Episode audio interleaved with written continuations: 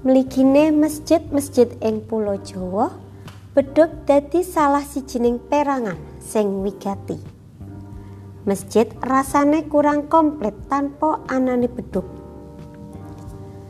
Masjid-masjid ing Pulo Jawa racake pancen ana bedhuke.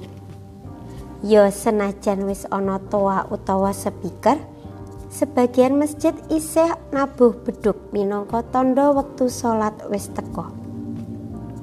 Klebu uga ing Masjid Agung Purworejo iki.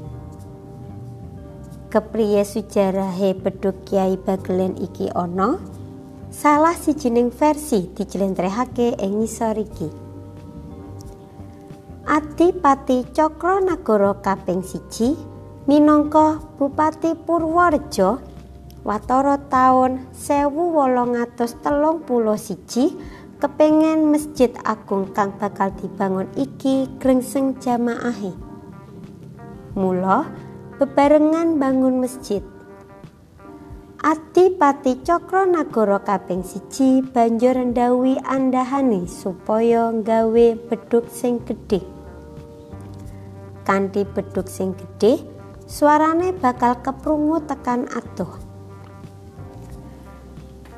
Wusanane dawuhe Bupati Cakranagara kaping siji kasebut linaksanan bedhug digawe saka kayu jati tuwa ukurane paling gedhe dipilih kang cawange limo wit jati iki sinebut wit jati Pandowo merga asale saka desa Pendowo Kecamatan Purwodadi Kabupaten Purworejo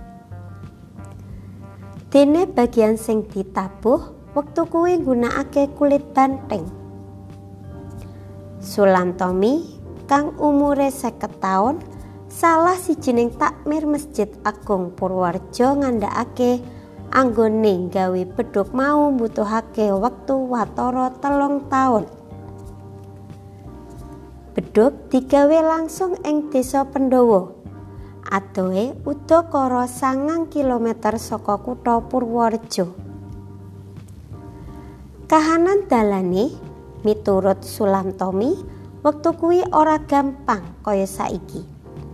Nanging munggah mudhun torumpil.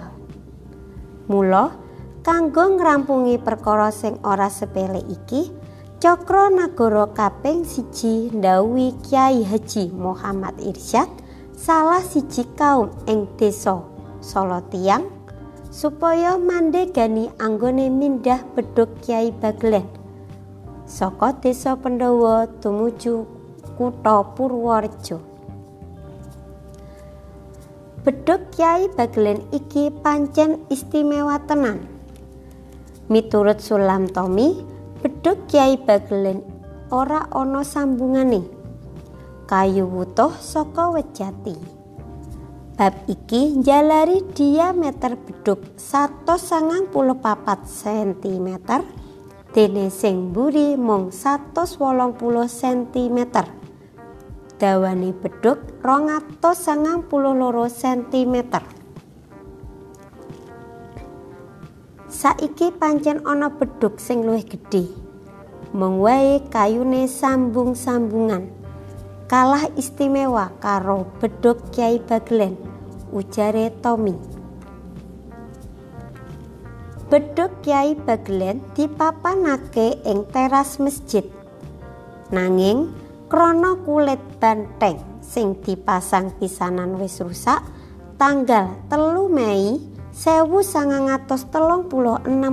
diganti nganggo kulit sapi benggolo kanggo rumah supaya ora cepat rusak saiki bedhug Kyai Baglen mung ditabuh sadurunge salat Jumat lan ing dina-dina gedhe agama Islam wae. Kanggo saben dinane sing ditabuh ya iku bedhug sing luwih cilik. Petilan kasebut kapetik saka panyebar semangat nomor pitu likur loro Juli rongewu rolikur kanthi irah-irahan bedhug Kyai Baglen saka kulit banteng.